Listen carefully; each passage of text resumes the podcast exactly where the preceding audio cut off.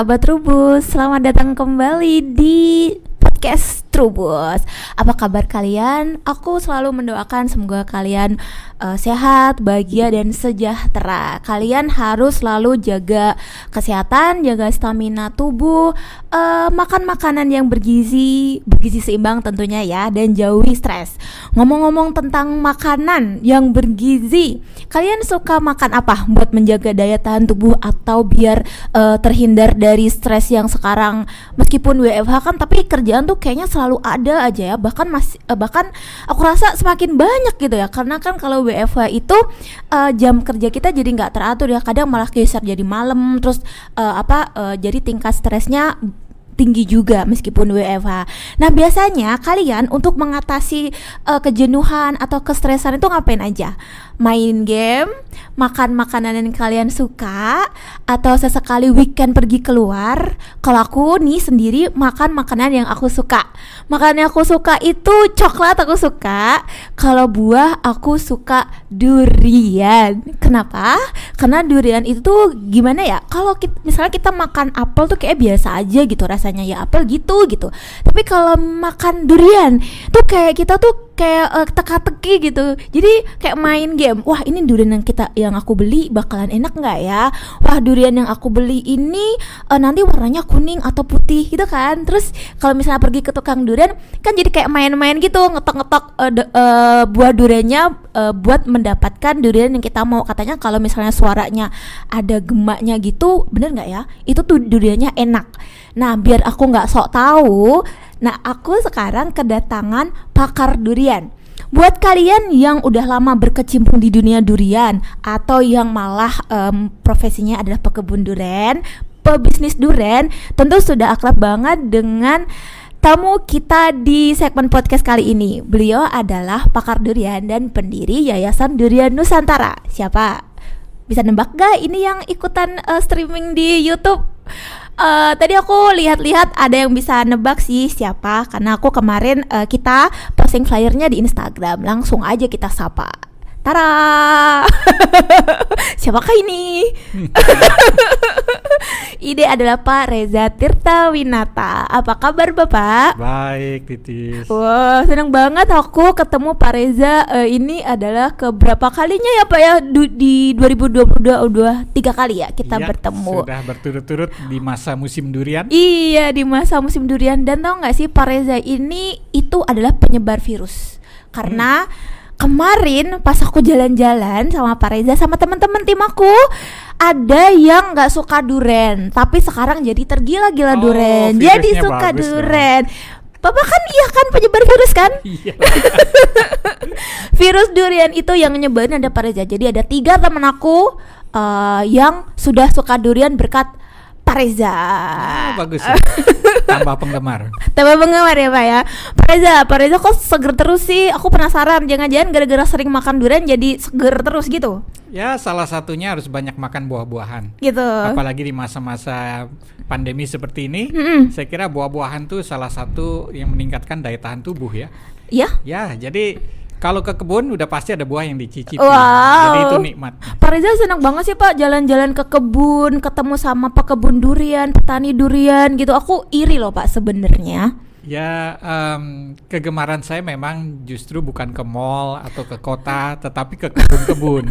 nah, ini banyak diundang oleh teman-teman yang mm. punya hmm. kebun di Seantero Nusantara. Mm. Kalau bukan karena hambatan COVID, mungkin saya sudah keliling-keliling. Wah, ini COVID nih. Ya, tapi selama masih bisa dijangkau dengan mobil, mm. Pulau Jawa pun sampai ke ujung pakai mobil masih bisa didatangi. Dijabani. Dan sel kayaknya Pak Reza tuh selalu ada energi untuk durian deh, Pak begitu ada berita mengenai durian saya selalu kejar. Minggu lalu terakhir panen di Jepara. Mm. Wah, menarik sekali. Makan apa di sana? Ada durian apa, Pak? Wah, ada durian purba namanya. Wah, Pohonnya itu? itu besar sekali umur 200 tahunan. tua banget. Tua banget dan masih hidup dan masih berbuah. Serius, enak nggak itu durian? Enak. Emang emang namanya durian purba. Ya karena pohonnya demikian tua begitu Oh. besar, sekali berbuah tuh bisa sampai 3000 butir. Oh, banyak Jadi, banget. Wah, ngeri itu kalau Jatuh. sedang berbuah, kalau lagi jatuh itu jangan dekat-dekat pohon. Waduh, kenapa, Pak? Kenapa? Ya kalau ketiban ya selesai lah ceritanya. Ini dong, Pak, pakai pakai ini pelindung kepala nggak kalau misalnya eh, berburu durian gitu? Em, berat ya. Sebab pakai helm pun kalau buah durian sebesar 2 kilo jatuh dari ketinggian 30 meter Eh. dikalikan kecepatan gravitasi bumi, Rrrr, ya. patah itu leher.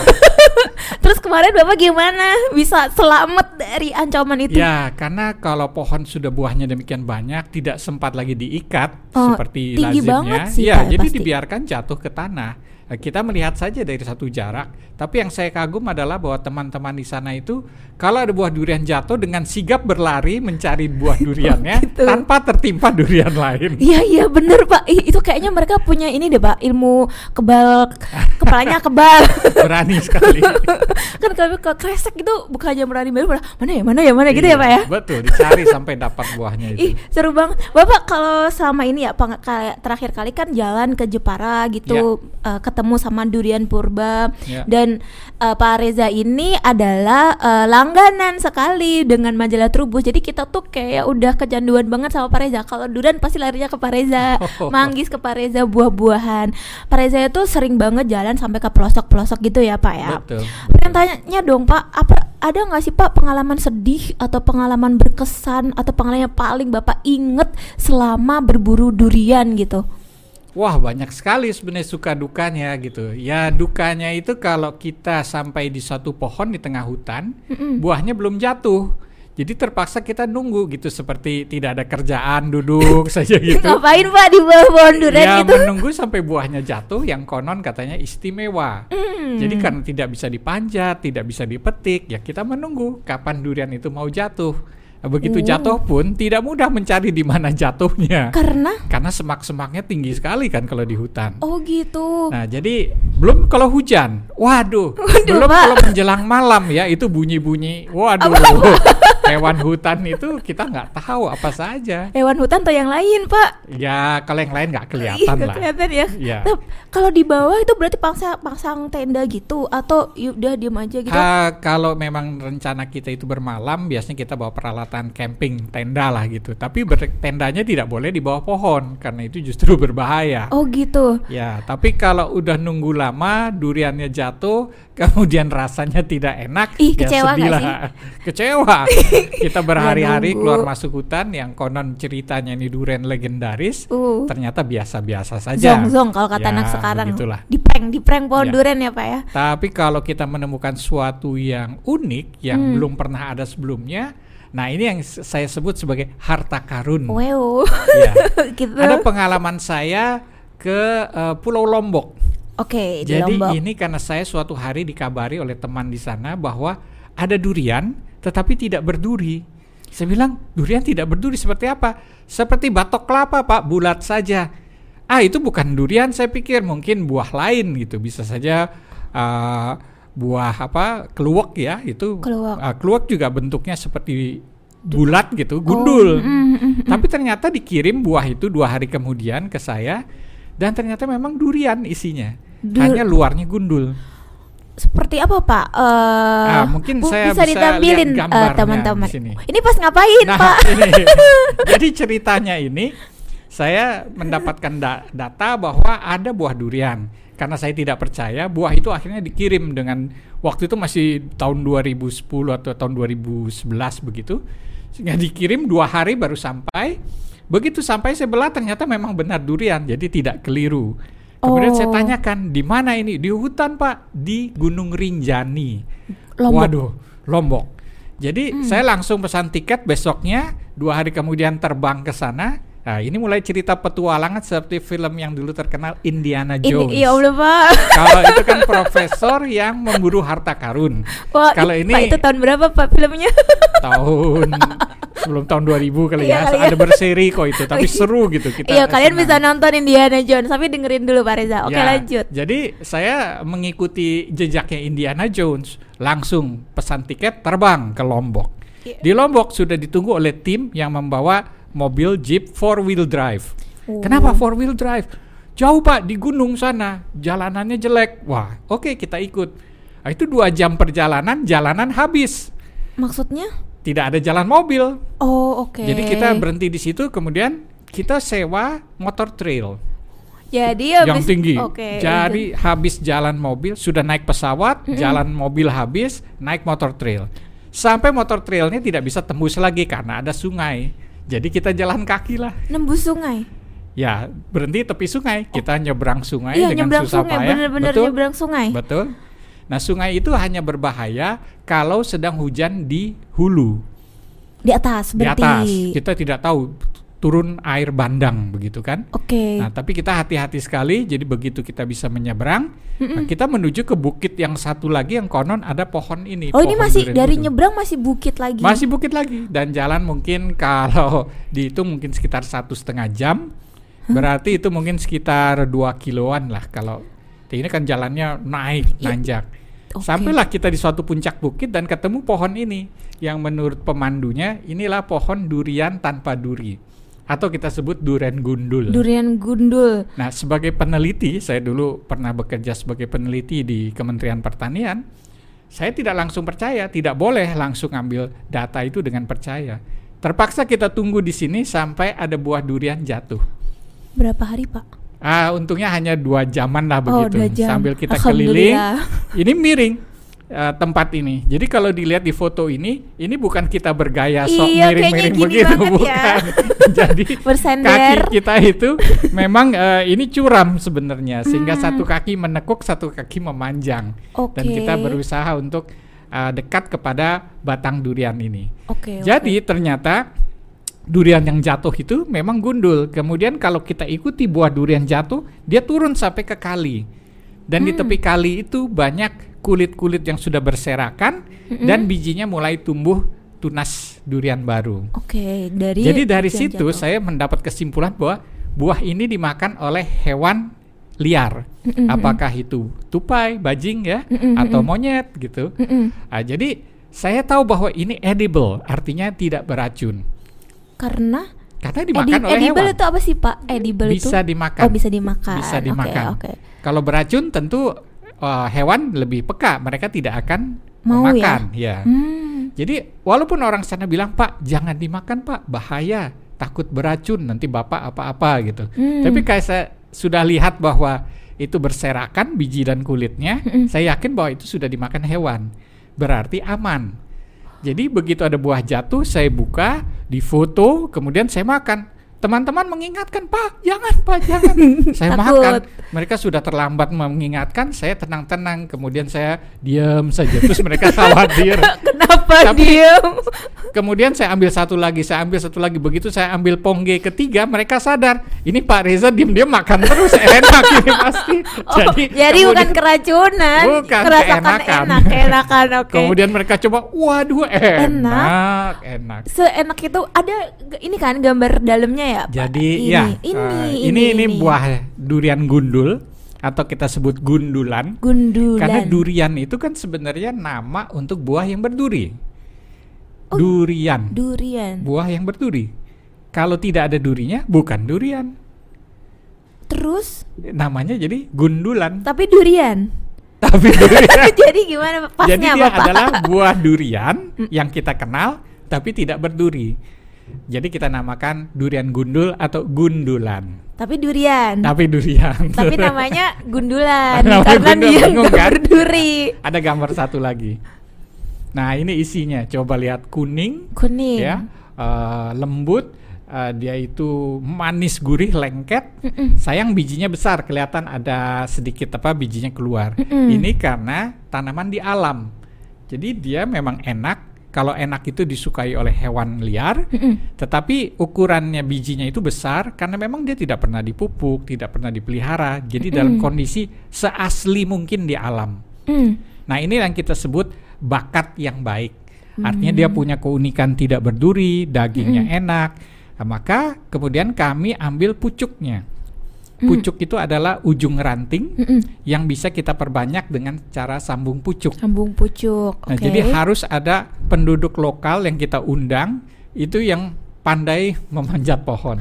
Karena- Sekedar buat mengambil pucuknya saja. Karena karena apa Pak? Karena terlalu tinggi atau gimana? Pohon itu tinggi, kemudian di tengah hutan, jadi uh, sangat sulit tertutup oleh pohon-pohon lain di sekitarnya. Harus yang menguasai wilayah itu yang Yalah, naik. yang yang yang ahli yang, Yang sudah ahli, biasa. Yang ahli, oke. Jadi kita uh, undang orang untuk mengambil pucuk-pucuknya. Setelah itu pucuknya kita uh, trimming, kita gunting daun-daunnya sehingga menjadi semacam uh, pucuk gundul gitu, Mm-mm, mm-mm. sepanjang 20 cm. Itu kemudian kita bungkus dengan tisu, dibasahi, masukkan kantong plastik, Mm-mm. dan itu kita bawa pulang. Artinya dibawa pulang ke Bogor, ke Jawa. Baru kita perbanyak. Artinya kita tempel sebagai bahan untuk sambung pucuk.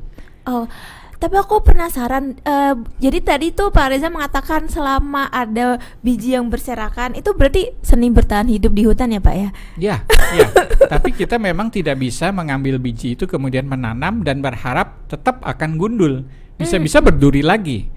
Karena biji itu adalah keturunan dari induk jantan dan induk betina. Ini induk Mm-mm. betinanya kebetulan gundul. Tetapi bijinya itu mungkin dia hasil penyerbukan. Hmm, jadi gede itunya. Ah, bisa jadi penyerbukan itu dari pohon yang berduri. Oh, pohon yang oke. buahnya berduri. Oke, oke. Nah, kalau terjadi persilangan, maka dari biji-biji yang kita tanam itu nanti ada yang gundul, ada yang berduri, ada yang setengah berduri. Oh, oleh karena itu jadi eh, bi- untuk dibawa pulang ke Bogor diambilnya adalah pucuknya ya, Pucuknya. karena vegetatif ya pak Vegetatif ya, Bi- biar dapat. ya.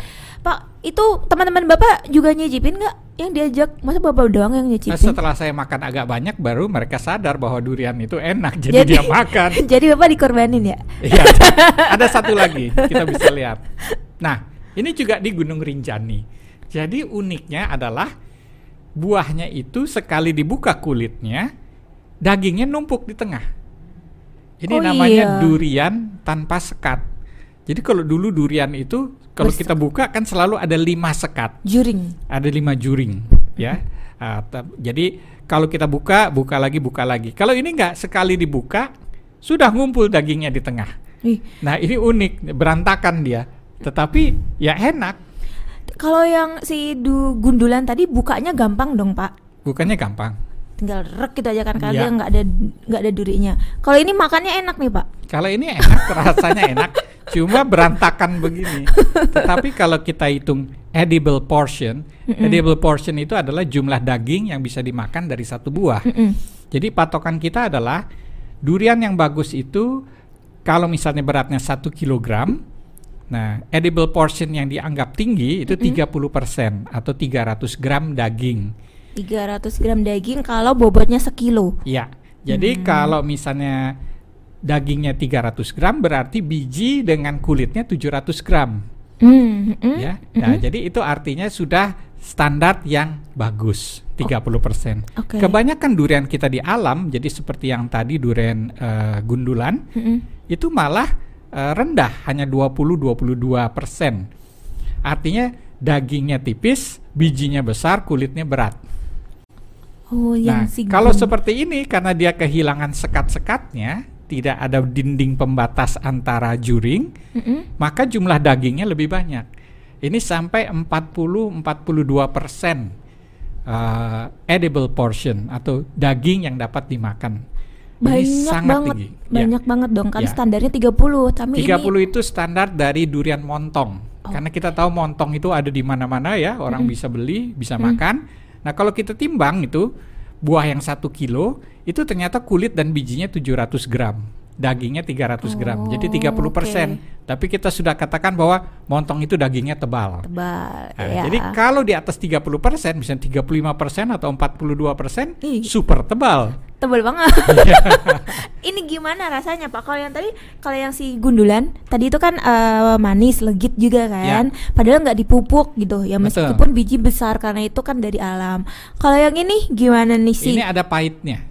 Oh, enak banget. Ya, karena dia putih tetapi dia alkoholik disebutnya. Jadi kalau menjelang matang, tepung yang ngumpul ini berubah menjadi gula. Dan kalau dibiarkan 2 kali 24 jam, gula itu sudah mulai terfermentasi menjadi alkohol. Oke. Nah, alkohol itu yang menimbulkan rasa pahit. Jadi semakin dia lama sejak jatuh, katakan empat hari setelah jatuh, maka alkoholnya dominan dan eh, dagingnya menjadi lembek. Oh, BTW ngomongin tentang durian yang mengandung alkohol nih Pak ya, kan yang pahit. Itu biasanya sa- eh, sahabat rebus mungkin ada juga yang yang baru kenal durian atau baru suka durian. Durian yang pahit itu malah justru disuka sama orang Indonesia ya Pak ya, orang Ya, kita. betul. Katanya kalau udah suka durian yang pahit itu berarti Anda sudah masuk ke golongan atas. Oh, golongan maniak durian. Maniak Ya, durian. ya. Kenapa sih Pak? Eh, Kenapa kita itu cenderungnya mengasosiasikan maniak durian di Indonesia itu adalah yang suka dengan yang pahit gitu? Hmm. Karena eh, kualifikasi durian itu mulai dari yang kurang manis, kemudian manis manis. datar saja. Manis datar Ya, saja. manis datar tuh manis gula saja gitu. Oke. Nah, kemudian terasa ada gurihnya. Nah, kadar lemak lain lagi, gurihnya Oke. itu terasa. Tapi tadi ketika manisnya itu sudah terfermentasi, dia berubah menjadi alkohol, di mana Alkohol. timbul rasa pahit. Mm-mm, mm. Nah, tiap durian itu beda kadar alkoholnya atau kecepatan berfermentasinya berbeda. Oke. Satu contoh yang tadi disebut duren hepe itu adalah duren Iya. eh, kesukaan almarhum Bung Karno konon ceritanya Dan aku pernah makan. dan pernah makan dan ternyata pahit sekali. tapi enak. Padahal baru jatuh, Oh, enak tapi. baru jatuh itu rasa manisnya kuat tapi pahitnya nendang Nendang sampai banget. terasa hangat di tenggorokan. Ah, itu dia. Tapi ada yang ada yang merasa berat banget, tapi ada yang merasa biasa aja gitu Pak kalau Ya. makan HP kemarin gitu. Kalau orang sudah terbiasa minum kopi atau ini ah, dia lebih tahan. Oh, berarti aku Tapi yang suka eh, manis-manis gula saja, begitu kena alkohol dia mulai pusing. Oh, oke. Berarti temen aku yang pusing itu kebanyakan makan gula. Iya kaget saja. Kaget. Jadi dia dari gula berubah menjadi alkohol. Alkohol itu yang membuat pusing-pusing. Oh, oke. Berarti aku boleh dikatakan maniak durian? Ya boleh, tetapi eh, tentu harus didukung dengan eh, jam terbang yang Oh, jam tinggi. terbang masih kurang Ya. sih, Pak. Dibanding Bapak saya di sini, Pak, di sini nih. Pak, ngomong-ngomong tentang Coba durian. kita lihat lagi masih ada gambar. Boleh, nah, boleh. ini contohnya jadi ketika dagingnya itu kita angkat semua, eh, dia tidak ada sekatnya. Jadi hanya kulit datar saja. Coba satu lagi gambar. Nah, lihat. Inilah kulit durian Oh, yang tanpa ini. sekat. Artinya apa? Dagingnya ngumpul di tengah dan akibat itu jumlah daging yang bisa dimakan sangat tinggi, Sangat banyak. sangat banyak. Ini kalau makan juga bisa langsung diambil aja Ya, pakai sendok. ah bisa saja, tapi ya kurang seru lah. Iya sih. Paling enak tuh pakai jari dan Tangan. celemotan. Oh, gitu. itu makan durian tuh kenapa sih harus seperti itu ya, Pak? Kayaknya kalau nggak celemotan tuh belum makan durian. Nggak boleh jaim kalau makan durian. Pak, ngomong-ngomong tentang eh, durian juga, sebenarnya posisinya posisi durian di kita itu seperti apa sih Pak dibandingkan dengan buah yang lain gitu? Kenapa disebutnya kita juga raja durian? eh, luar negeri juga menyebutkan king of fruit gitu. Betul. Apakah benar dia itu adalah raja sesuai dengan namanya nggak sih gitu Pak? Ada sejarah panjang. Sebenarnya itu bukan pendapat kita pribadi, tetapi itu Oh. pendatang dari negara lain kira-kira 200-300 tahun yang lalu. Ketika mereka mencoba durian untuk pertama kali, mereka menemukan bahwa rasanya itu sangat kompleks. Jadi tidak sama dengan rasa buah-buahan katakanlah di Eropa atau di Amerika yang hanya asam manis. Tapi durian ini selain gurih ada pahitnya tadi ya. Jadi buah yang memiliki segala macam unsur rasa. Buah yang memiliki segala macam unsur rasa itu Ya, adalah durian. Oh, sangat oke. lengkap. Jadi durian ini dianggap sebagai rajanya buah-buahan Oke. karena kelengkapannya itu.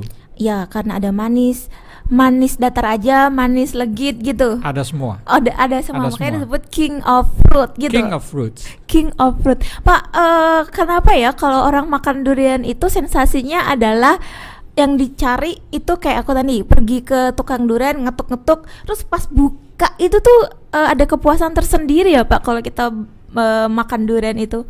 Pak Reza suka gitu nggak sih kalau pergi ke ke kebun gitu suka deg-degan juga kalau pas buka duren gitu. Ah, sebenarnya sih nggak juga. Yang deg-degan itu kalau kita beli di pinggir jalan. Oh kenapa? Karena misalnya saya lagi mengantar tamu, kemudian Mm-mm. mereka ingin makan duren. Mm-mm. Tentu tidak bisa diajak ke hutan, jadi kita bawa ke kios durian. Oh Nah, iya sih. Kios durian itu kalau di daerah itu biasanya menumpuk di pinggir jalan, dijual dijajakan di tepi jalan. Mm-mm. Ini sangat sulit untuk menentukan mana durian yang kualitas bagus dengan durian yang biasa-biasa saja. Mm-mm. Karena eh, tidak ada patokan gitu. Kalau durian montong semua sama. Jadi Mm-mm. kita bisa lihat oh ini durian montong, sudah Mm-mm. tahu standar rasa. Mm-mm. Tapi durian lokal di Indonesia itu Mm-mm. 90% itu adalah durian dari alam. Oke. Jadi tidak dikenal varietasnya. Oke. Uh, mungkin pernah dengar um, nama durian ucok di Medan? Waduh pernah nah, karena itu. oh. suatu kios durian luar biasa nih Pak Ucok ini dari mulai pinggir jalan sampai jadi restoran. Mm-mm. Beliau berjualan durian yang dikumpulkan dari mana pun di Sumatera, Nah, tapi diseleksi yang enak-enak. yang enak. Aku pengen cerita sih Pak, eh, waktu ngomong-ngomong tentang beli beli durian di pinggir jalan atau Ya. beli durian di supermarket atau di mana. Aku tuh suka deg-degan kalau beli durian pas buka, ya kok eh, nggak seenak yang kita bayangkan gitu. Terus jadinya dapat Hmm. ilmu juga dari beberapa pekebun durian atau dari para eh, apa ahli durian. Konon katanya beli durian tuh gampangan dari eh, eh, kamu beli aja yang udah terbelah, terus lihat dagingnya. Kalau misalnya ada iklan, kalau misalnya dagingnya itu warnanya kuning dan keriput, itu katanya enak, Pak. Itu Oh. boleh nggak sih? Eh, Itu emang benar nggak sih, Pak? Jadi beli durian itu uh, tebak-tebakan ya.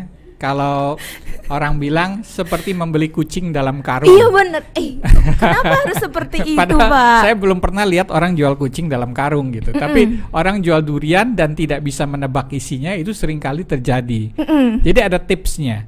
Kalau durian sudah dibuka, Mm-mm. tentu kita mudah membaca warnanya kuning, dagingnya keriput.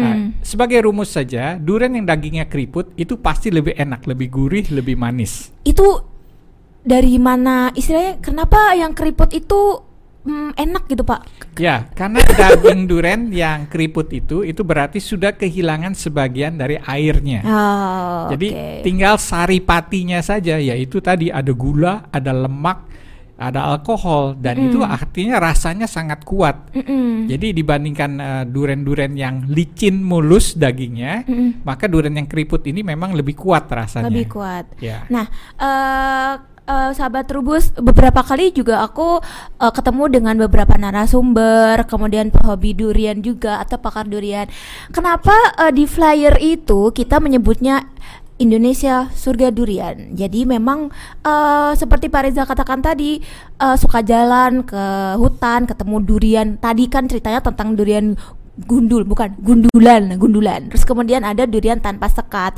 Jadi memang kita tuh surganya. Dan konon katanya panen durian di Indonesia tuh sepanjang tahun. Jadi sebenarnya nggak ada tuh kosong durian di Indonesia. Konon katanya. Dulu aku pernah diceritain diceritain seperti itu sama salah satu narasumber.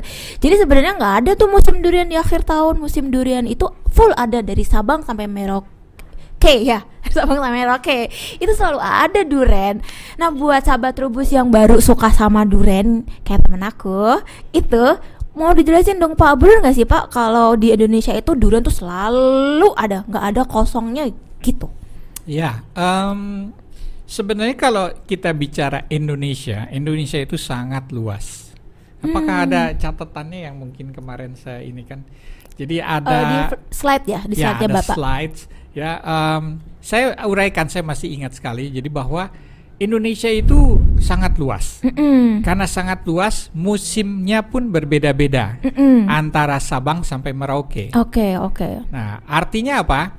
Panen durian itu bisa berlangsung setiap bulan, tetapi di daerah yang berbeda-beda, gitu, Tis. Setiap bulan tapi di daerah yang berbeda-beda. Gimana nih Pak? Januari ada di mana? Katakanlah Januari mulai dari Sumatera, kemudian Oh. bergerak terus. Ah, sorry, sebenarnya di Sumatera itu seingat saya mulainya April, Mei, Juni, terutama Sumatera Utara sampai dengan Sumatera Barat. Karena itu bersamaan dengan musim di Semenanjung Malaysia. Hmm. Ya, kemudian makin lama makin ke timur, Mm-mm. masuk ke Pulau Jawa itu antara November, Desember, Januari. Oke. Dan nanti pindah lagi ke Bali, Lombok sampai ke Sulawesi itu berbeda lagi. Oke. Artinya musim durian di Indonesia itu akan berlangsung sepanjang tahun. Mm-mm. Tetapi kalau kita bicara satu titik misalnya di Jawa Barat, khususnya misalnya di tempat saya di Bogor, Mm-mm, mm-mm. panen itu hanya satu kali dalam satu tahun, Oke. Ya. yaitu antara Desember Januari kemarin. Mm-mm, mm-mm. Selesai sudah Mm-mm, dan tidak akan ada buah di antara bulan-bulan lainnya. mm-mm. Tapi daerah lain seperti Jepara kemarin itu baru musim. Artinya dia mungkin Januari, Februari sampai Maret. Oh. Nanti Jawa Timur mungkin nyambung lagi Maret, April dan Mm. seterusnya. Jadi kalau teknologi pengiriman buah itu sudah mudah, Mm-mm, mm-mm. itu sebenarnya di Jakarta bisa dijumpai durian sepanjang tahun. Tuh bener kan Berarti sahabat Rubus baru tahu kan pasti Kalau durian di Indonesia itu selalu ada Jadi sebenarnya nggak ada tuh musim durian ya Pak ya Karena dari Sabang sampai Merauke itu sebenarnya selalu ada durian Tapi ya, karena kita tuh luas banget Dan kadang kita nggak tahu kalau wah di Bogor habis tapi Jepara panen Betul. Nanti Jepara habis oh Lombok panen Betul. Lombok habis terus di Merauke panen Ya. Terus berarti surga banget dong Pak kita itu Ya, artinya kita kalau misalnya ingin makan durian, kita tinggal cari di mana di Indonesia sedang berbuah. Dan itu mudah sekali dilacak karena kita ada grup-grup ya, WA grup ataupun di em, di Instagram, di YouTube ya, atau di Facebook. Itu ada berita mengenai panen durian di mana pun di Indonesia. Dan kalau ada yang mengatakan, Pak, ditemukan durian aneh, warnanya begini, bijinya tidak ada dan buahnya sangat lebat, itu saya akan langsung cek. Dan kalau benar, besok saya terbang ke sana. Oh kalau gitu ini aja ngintipin jadwalnya Pak Reza ya nggak Pak? ya, kalau yang ingin ikut serta saya punya waktu ya, kita jalan-jalan eh, ya senang-senang lah me- meng- berburu durian, Berburu hunting durian. Jadi nggak boleh ini harus berani eh apa kayak tadi ya Pak naik motor trail Oh, harus kemudian berani, harus kemudian berani. nyebrang sungai ya ampun. Kemudian tidak bisa juga kita menolak misalnya, aduh jangan besok saya ada eh, acara minggu depan saja, minggu depan duriannya sudah jatuh semua sudah habis. Sudah habis. Jadi dalam hal kita berburu durian, kita yang mengikuti jadwal dari panennya, bukannya durian menunggu kita. keburu jatuh, Iya, keburu habis. dimakan orang. Dan begitu habis kita menunggu satu tahun lagi. Ah itu Pak, sebenarnya di kita tuh ada nggak sih Pak banyak daerah yang bener-bener jadi lumbung durian gitu Pak? Hmm. Pokoknya jadi kalau misalnya mau makan durian enak itu adalah daerah sana karena daerah sana adalah lumbung duri durian gitu, durian gitu. Ya, jadi em, sebenarnya syarat utama dari durian itu adalah curah hujannya di atas 2.500 mm per tahun. Bogor? Bogor 3.000. Bogor Berarti memang cocok kota ya. hujan. Tapi maksud saya adalah bila mana curah hujannya itu sedikit atau musim kemaraunya lebih dari enam bulan, maka durian itu tidak bisa tumbuh dengan maksimal. Jadi dia akan lebih Hmm. banyak di daerah yang lembab dengan curah hujan yang merata sepanjang tahun. Lembab dengan curah hujan merata. Ya. Jadi artinya kemaraunya hanya berlangsung 2-3 bulan saja. Mm, mm. Nah, itu mulai dari Sumatera, Kalimantan terutama, Jawa sampai Sulawesi itu masih bagus. Tapi ada spot-spot tertentu di Nusa Tenggara Timur misalnya di mana durian itu tidak hadir karena terlalu kering.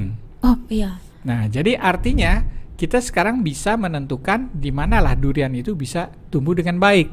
Dan di setiap provinsi, ah, saya ambil contoh Sumatera, setiap provinsi bahkan kabupaten itu mempunyai sentra-sentra atau du- lumbung durian yang bagus-bagus. Masa sih Pak? Ya betul, tapi alami. Artinya bukan ditanam secara perkebunan, masih tumbuh alam saja dari biji. Karena saya orang Jawa Tengah. Jawa Tengah tuh daerah mana sih Pak yang jadi lumbung? Oh, Ya, semoga banyak. daerahku disebut di mana Pak?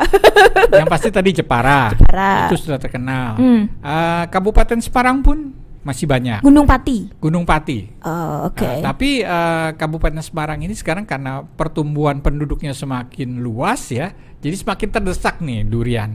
Kemudian Banyumas eh, kita kenal, Purwokerto. Purwokerto, em, sampai ke Wonosobo, Wonosobo. ya. Oke. Ya, jadi artinya hampir seluruh daerah di em, Jawa Tengah itu banyak yang sentra durian. Hanya ada yang sudah dieksplor, Ada sudah yang- ada yang belum juga. Jadi masih banyak yang tersembunyi. Daerahku kok nggak disebut pak? Daerah mana? Pati. Pati, Pati sudah agak kering sebenarnya, tapi Iya, ada durian. Sedih emang, sedih emang. Ya, agak kering di sana. Kalau Jepara itu kan di sebelah barat Gunung Muria. Mm-mm. Jadi dia masih dapat curah hujan dan ini cukup tinggi. Hmm, Justru oke. eh, Pati itu yang eh, Muria ke arah timur itu lebih banyak tanaman seperti mangga, jambu air Iya yang tahan sih. kering. Bener, mangga banyak banget. Betul. Jambu air juga banyak sekali. Tapi duren sulit untuk menemukan yang enak. Ya. Tetangga sih yang punya. Kudus sama Jepara itu memang the best duriannya dibanding Ya. daerah sendiri. Jadi memang lumbung durian itu terpusat kepada daerah yang persediaan air sepanjang tahun ada.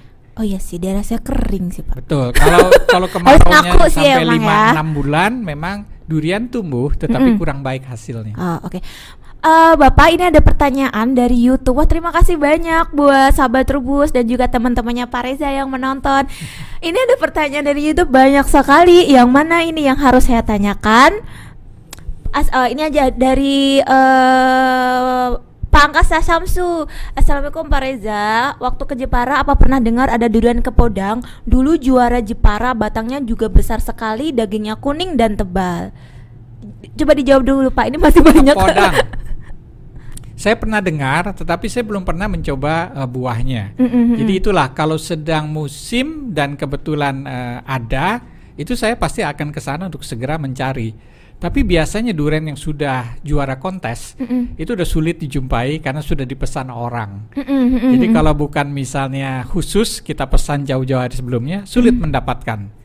Durian tersebut. Ya, Oke. durian yang sudah juara kontes. Oke. Karena oh. otomatis harganya meningkat, Mm-mm. kemudian semua orang sudah pesan. Mm, Jadi mm, tidak akan dijual di tepi pasar, tidak mungkin. Pasti begitu jatuh dari pohon itu sudah dibeli orang. inden inden ya Pak. Inden istilahnya bahkan seperti daftar gitu. tunggu.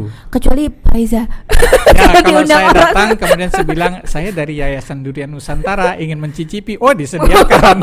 Jadi yang senang itu bukan saya, tapi Siapa? yang ikut, Ikut dengan kan? saya. Oke, ngetek Pak Reza.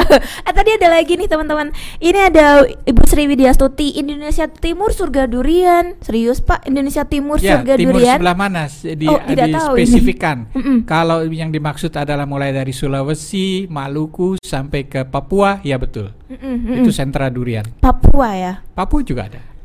Apakah durian itu?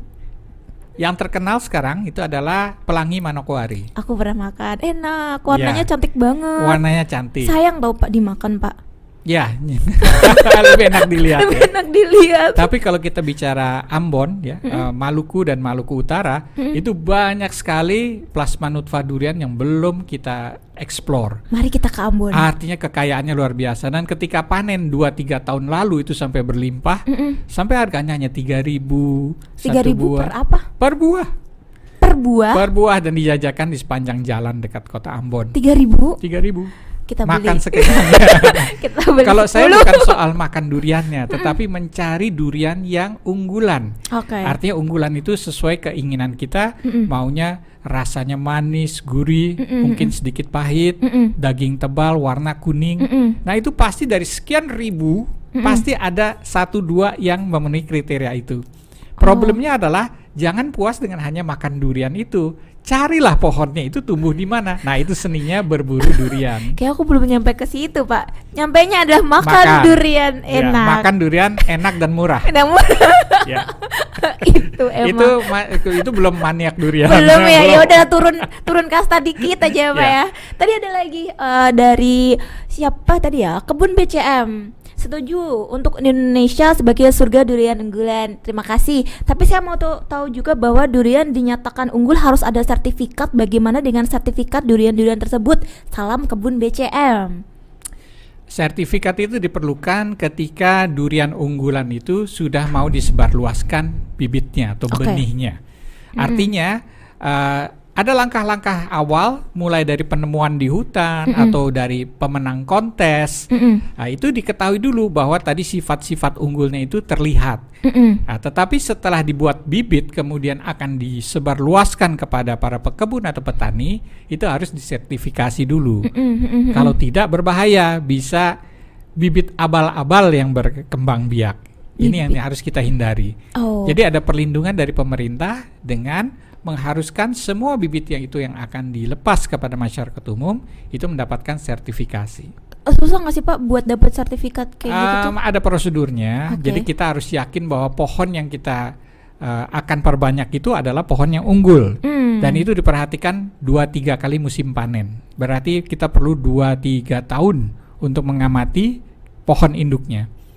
Oke. Kemudian setelah itu kita mengajukan uh, tertulis pendaftaran ya Mm-mm. untuk itu di uh, dilestarikan sebagai uh, pohon yang memang induk unggulan. Oke. Kemudian nanti masih ada sertifikasi ketika kita membuat benihnya atau Oh. bibitnya. Oke. Itu biasanya ke BPSB di setiap daerah ada. Mm, prosesnya lumayan ya Pak. Panjang, tetapi itu untuk perlindungan konsumen dan saya kira perlu.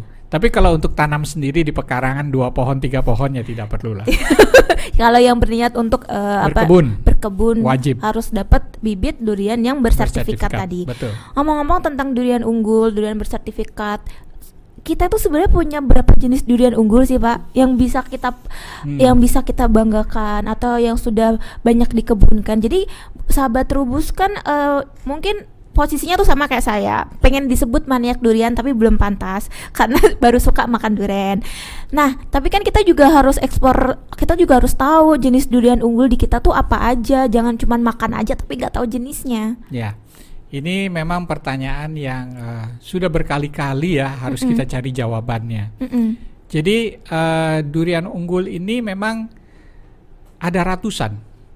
Kalau kita bicara populasi durian di Indonesia yang sebagian besar dari biji, Mm-mm. maka itu semua adalah varietas tersendiri. Tumbuhan yang berasal dari biji boleh diberi nama apa saja, Suka-suka. suka-suka sesuai penemunya. Jadi kalau ada 10 juta batang durian berasal dari biji, Mm-mm. ada 10 juta nama di situ.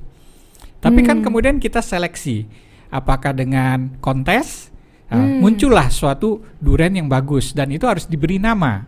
Mm, Nah, mm-mm. durian yang diberi nama ini akhirnya didaftarkan Oke. kemudian untuk disebarluaskan harus Oke. tadi sertifikasi. Mm-mm. Nah, ini prosedur yang panjang. Tapi kita pertama kali saya ingat melepas durian dengan eh, SK Menteri Pertanian itu tahun 82, 1982. Karena durian pertama yang dilepas adalah durian Petruk Jepara dan kebetulan dalam SK Menteri itu saya salah satu anggota penelitinya.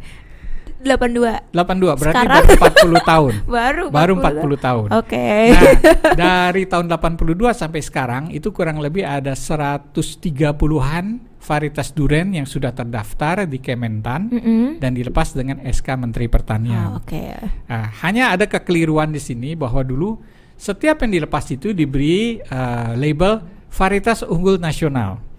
Yang sebenarnya ini kurang tepat kalau menurut saya. Harusnya Karena ternyata Petruk saja walaupun dilepas dengan kata varietas unggul nasional, Mm-mm. ketika ditanam di Jepara, dia pemenang kontes. Dia luar biasa rasanya. Tapi ketika ditanam di Bogor di mana agroklimatnya berbeda, terjadi perubahan. Dagingnya tidak kuning, buahnya membesar, rasanya kurang kuat. Jadi tidak seenak yang aslinya di Jepara. Itu karena ketidakcocokan agroklimat. Jadi varietas unggul nasional itu sebenarnya pengertian yang sangat luas. Ditanam di mana pun di Indonesia harusnya kualitasnya sama dengan induknya di Jepara. harusnya. Harusnya. Nah, inilah kekeliruannya. Jadi sebaiknya mungkin memang harus dibatasi kepada daerah di mana petruk itu berasal.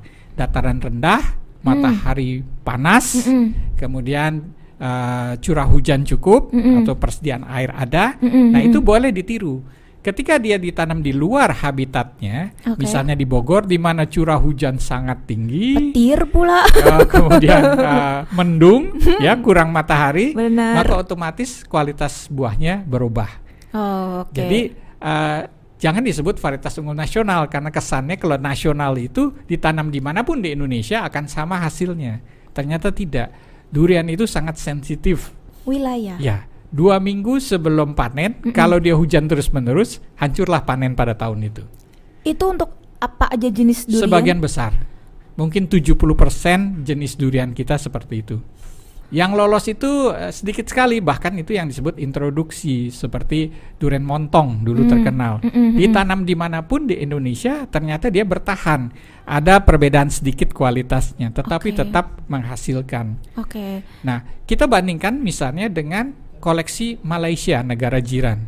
Mereka sudah melepas sekitar 200-an Mm-mm. uh, varietas asli Malaysia Mm-mm. yang didaftarkan. Mm-mm, mm-mm. Tapi mereka tidak menyebutnya sebagai varietas unggul nasional, hanya diberi kode D001 sampai D200. Oke. Oh, oh, itu asal mulanya seperti itu. Ya. Karena mereka nggak mau nyebut itu durian unggul nasional, jadi mereka amannya main kode gitu. Maka main kode dan itu disebut asalnya dari mana. Oh. Dan karena Malaysia relatif lebih seragam ya, semenanjung itu kurang lebih uh, iklimnya sama. Mm-mm. Uh, beda hanya di Sabah di mana ada Gunung Kinabalu. Oh, oke. Nah, di sana ada varietas-varietas tersendiri yang memang uh, lebih tinggi uh, datarannya. Oh, oh. Indonesia luar biasa dari dataran rendah pantai sampai gunung yang sangat tinggi Ada. ada, dan itu berakibat agroklimatnya beda-beda. Oh. Sehingga tidak semua durian berasal dari dataran rendah bisa ditanam dengan baik di dataran tinggi. Oh, jadi kalau pekebun durian itu harus pinter-pinter tahu, wah ini lokasi kebun durian saya tempatnya ABCD, jadi saya harus nanam jenis duriannya yang ABCD gitu. Gak Betul. bisa langsung Betul. ujuk-ujuk nanam jenis Harus apa ada gitu Pak ya. pengetahuan dasar mengenai Mm-mm. di mana menanam yang baik. Hmm, Jadi kebanyakan kita itu punya tanah uh-uh. tapi memaksakan menanam suatu varietas yang sebenarnya tidak cocok dengan lokasinya. Adakah yang seperti itu? Banyak sekali. Jadi kalau tips ya untuk yang Mm-mm. ingin berkebun durian dengan uh, komersial, Mm-mm. artinya untuk dijual buahnya, Mm-mm. yang harus diperhatikan adalah durian apa yang ingin Anda tanam, varietas apa, untuk pasar lokal kah atau untuk ekspor misalnya. Itu satu. Hmm. Kalau dibilang ah sudah untuk pasaran kota terdekat saja, kota besar terdekat. Nah, carilah sekarang varietas yang memang cocok dengan lokal tempat yang tersedia. Kita tinggal. Ya. Jadi Oke. jangan kemudian memaksakan menanam Mm-mm. durian dari Kalimantan di Jawa tanpa pertimbangan lain. Seringkali gagal. Kalau kekeh, Pak. Ya nggak apa-apa, tapi jangan komersial untuk koleksi saja. Jadi kebanyakan uji coba, Nah, tanam 20-30 varietas, Mm-mm. masing-masing 2-3 pohon saja. Sehingga nanti kelihatan oh ini kurang baik, ini baik, ini ah. Hmm. Apakah spesifikasi wilayah yang seperti itu kemudian petani eh pekebun harus pintar-pintar memilih jenis durian yang akan kita tanam itu yang bikin kita di Indonesia itu sedikit sekali kebun durian komersial gitu Pak. Betul. Jadi durian uh, perkebunan komersial itu kurang karena tadi pengetahuan kita mengenai varietas-varietas yang ada Hmm, itu masih terbatas. Mm-mm. Nah, sebenarnya adalah eh, kita harusnya itu menentukan durian yang memang sudah terkenal di daerah kita sendiri. Misalnya em, di Lombok Mm-mm. itu ada durian eh, tong medaye yang sudah berumur 160 tahun Tahu, tahu, tahu. dan sudah bagus. Itu peninggalan eh, dulu dari apa ya kerajaan Narmada. Narmada, betul. Nah, Yeah. harusnya itu yang dikembangkan di sana ketimbang misalnya menanam durian montong atau musangking atau duri hitam betul boleh ditanam durian introduksi Mm-mm. tetapi kita ada resiko harus ada penyesuaian atau adaptasi terhadap lingkungan mm-mm. nah kalau mau aman durian yang lokal yang sudah memang bagus Mm-mm. itu yang dikembangkan dalam skala perkebunan misalnya 50 hektar Oke. satu varietas saja Satu varietas saja. satu varietas saja Eh, tapi Pak, eh, kalau mis eh, misalnya gini, kalau misalnya kita membawa pergi durian jenis tertentu, itu ada ini ada ini nggak sih Pak? Kayak kemarin kita kan jalan-jalan tuh ke tempatnya Pak Sadar. oh ya Pak Sadar Tani. Jadi sahabat Rubus bisa lihat videonya eh, aku sama Pak Reza jalan-jalan di kebunnya Pak Sadar, Sadar Tani itu di Bogor. Bisa lihat ya. Itu beliau menanamkan kemarin itu paling banyak bawor ya Pak ya. Bawor, betul. Bawor, mostly bawor 135 kalau nggak salah. Sisanya itu ada oci itu sekitaran 7 atau 10 lupa yang liputan itu nah bawor itu kan bukan asli Bogor tapi Betul. ditanamnya di Bogor jadi Iya. Pak Sadar ini eh, memba- me- memboyong mengeluarkan bawor dari Banyumas ya Pak ya Ya. Banyumas ke Bogor itu tergolong nekat atau kenapa Kalau alasannya Pak, kalau alasannya Pak Sadar, Pak Sadar sih karena saya putra Banyumas. Betul, jadi betul. jadi saya harusnya nanamnya bawor. Tapi kalau dari kacamata Bapak, Bapak kan bukan putra Banyumas ya.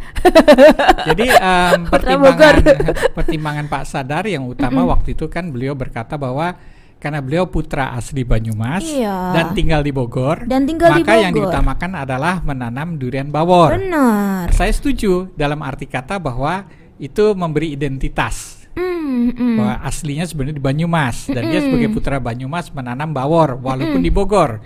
Pertanyaannya apakah cocok durian bawor ditanam di Bogor kan begitu? Betul. Nah, kebetulan Banyumas itu kurang lebih arealnya itu seperti Bogor, pegunungan.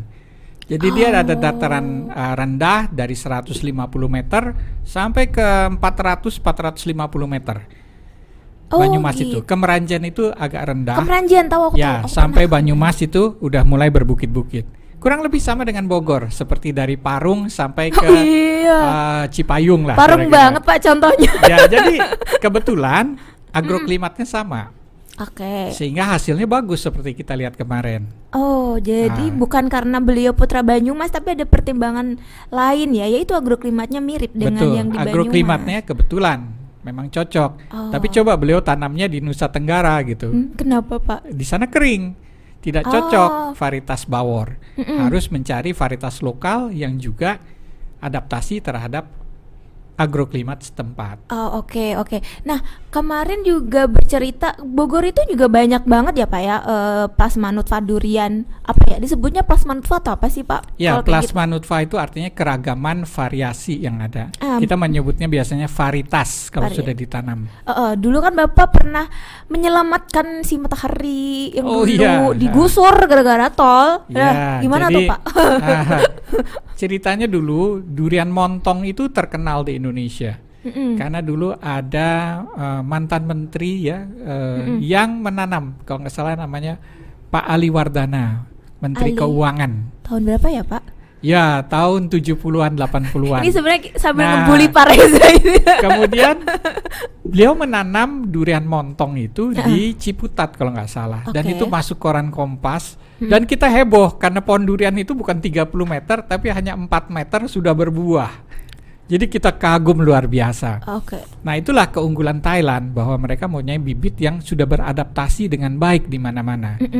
Nah, ketika itu kita belum punya suatu varietas yang bisa menandingi kehebatan montong si ini. montong tadi ya. Betul. Oke. Akhirnya saya mendapat tugas sebagai peneliti di Kementan, dulu Deptan. Mm-mm. Eh, saya punya NRP, NIP dulu. Sebutin Pak. Pokoknya dulu 0800 itu eh, Departemen Pertanian. Ini yang katanya Pak Reza siapa nih? Jadi peneliti, kemudian saya ditugaskan mencari padanan montong yang berasal dari durian lokal Nusantara.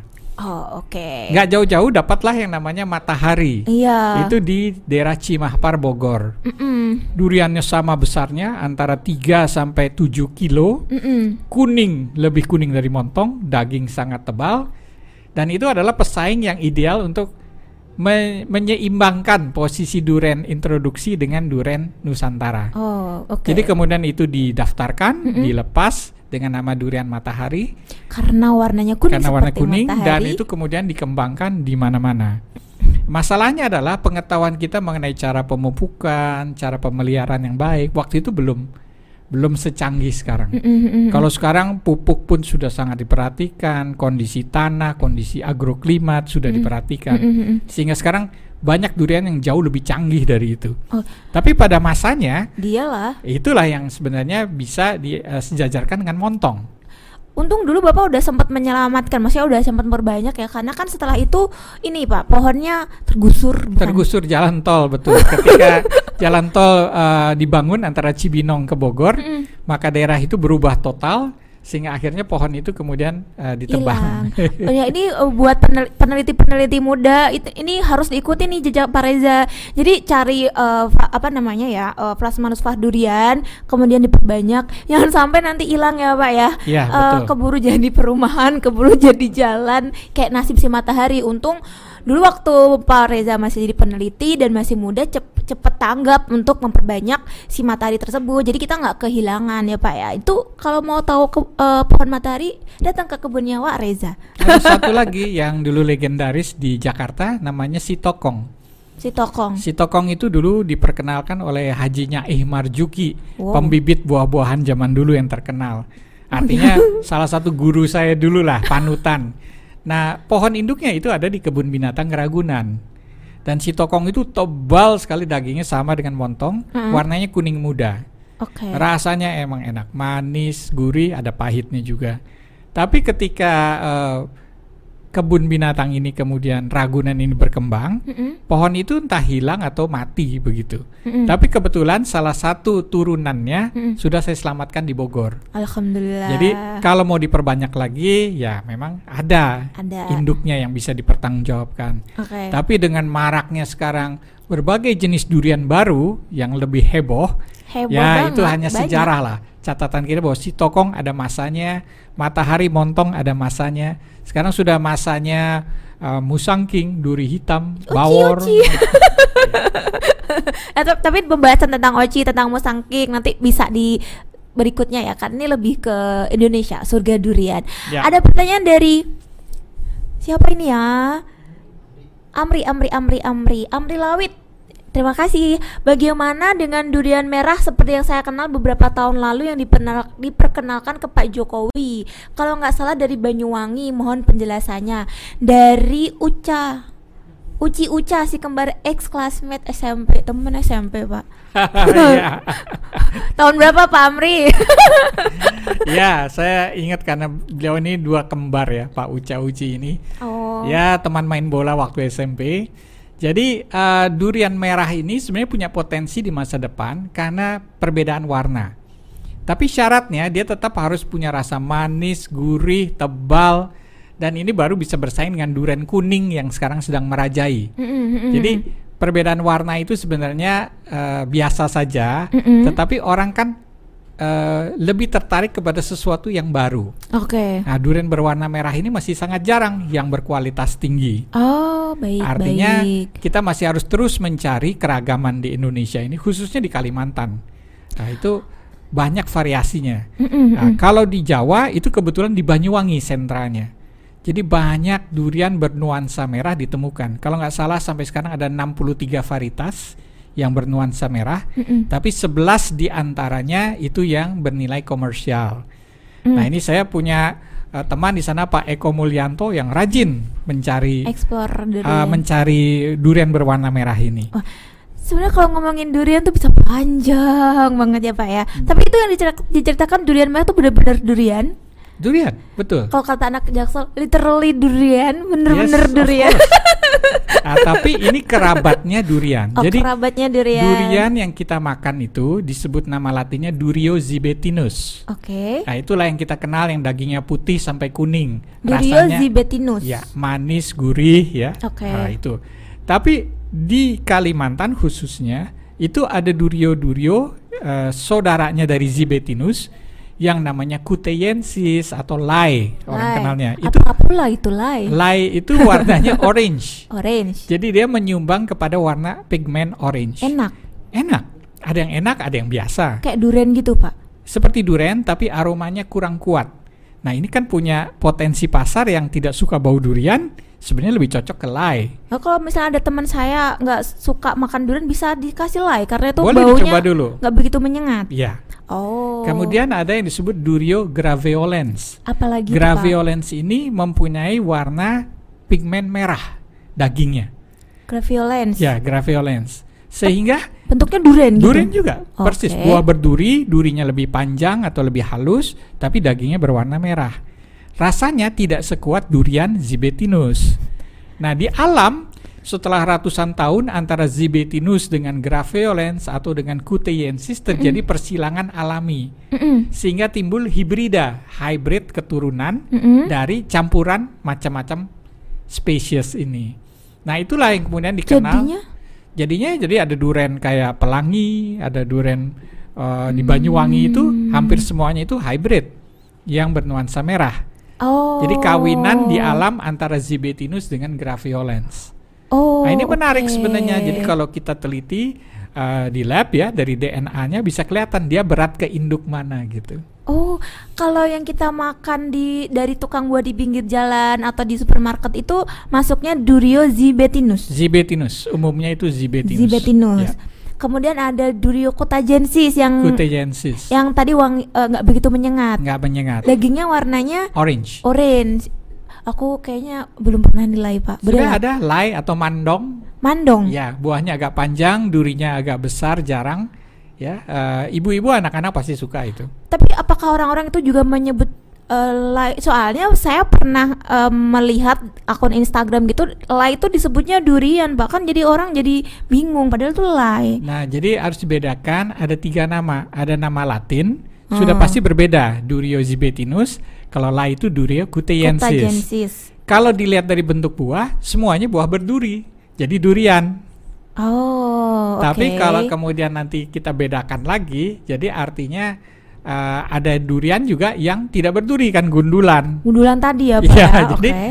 eh, ini salah nama saja. Mm, mm, mm. Kemudian ada juga nama dagang, merek dagang. Oke. Nah, merek dagang itu bisa ditambahin segala macam. Oke. Misalnya eh, montong super gitu, Mm, mm, mm, atau bawor yang super. Padahal sih ya bawor-bawor juga gitu. Bawar-bawar juga. Bapak eh, podcast kita tuh kan sebenarnya cuma satu jam ya, Pak. Oh ya? iya sudah tidak terasa ya. tapi tapi masih banyak yang harus kita bahas sebenarnya. Jadi sahabat Trubus, terima kasih banyak yang sebelumnya closing dulu deh, Pak. Closing dulu, Pak. Pengen ini aja. Eh, kalau misal eh, pengen jadi pekebun durian, itu apa sih yang harus kita punyai? Closing aja, Pak. Nomor satu harus punya passion. Berkebun durian itu tidak mudah. Eh, perlu biaya juga. Mm-mm. Kalau sekedar untuk hobi saja, ya enggak lah. Tinggal beli bibit yang bagus, ditanam, tapi tetap harus dapat perhatian. Mm. Karena durian ini gampang-gampang sulit, agak manja lah pohonnya. Mm-mm, mm-mm. Jadi passion dulu. Manja, Artinya manja. ya rasa kasih sayang terhadap pohon. Oh, oke. Nah, yang kedua tentu kita harus memperhatikan eh, menanamnya ini di mana. Kalau kita punya tanah yang apa tidak cocok dengan durian, misalnya di pantai, ya Mm-mm. memang tidak bisa tumbuh. Oke. Jadi harus mengerti di mana durian itu tumbuh dengan baik dan ini. Misalnya di pegunungan yang dingin di atas 1000 meter, nggak bagus juga. Tumbuh tetapi buahnya tidak maksimal. Oh. Jadi oke. mengerti agroklimat. Hmm, Kemudian yang ketiga, kalau kita mau berkebun secara komersial, Mm-mm. ya itu tentu memerlukan pendampingan lah.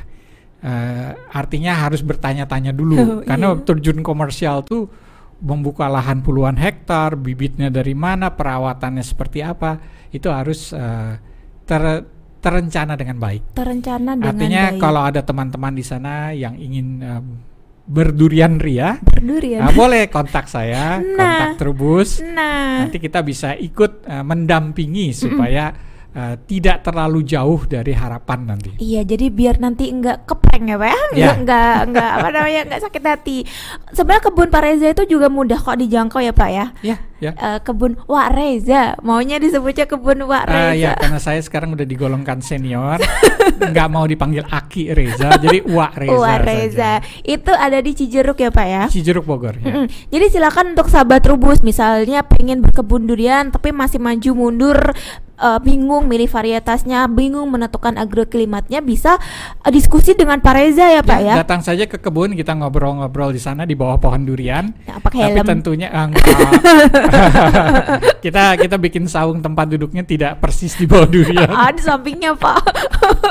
Bohong sampingnya sampingnya. Itu bisa Ya. datang ke kebunnya Pak Reza. Pak Reza itu ada di Cijeruk atau bisa kontak Pak Reza langsung. Kalian bisa hubungin Trubus aja bisa via Ya. Instagram, via Facebook atau eh, telepon, email juga boleh. Nanti kita kasih tahu kebunnya Pak Reza. Nanti bolehlah ajak Trubus main ke sana lagi ya Pak ya. Insya Allah pas musim lebih enak. Nunggu HP.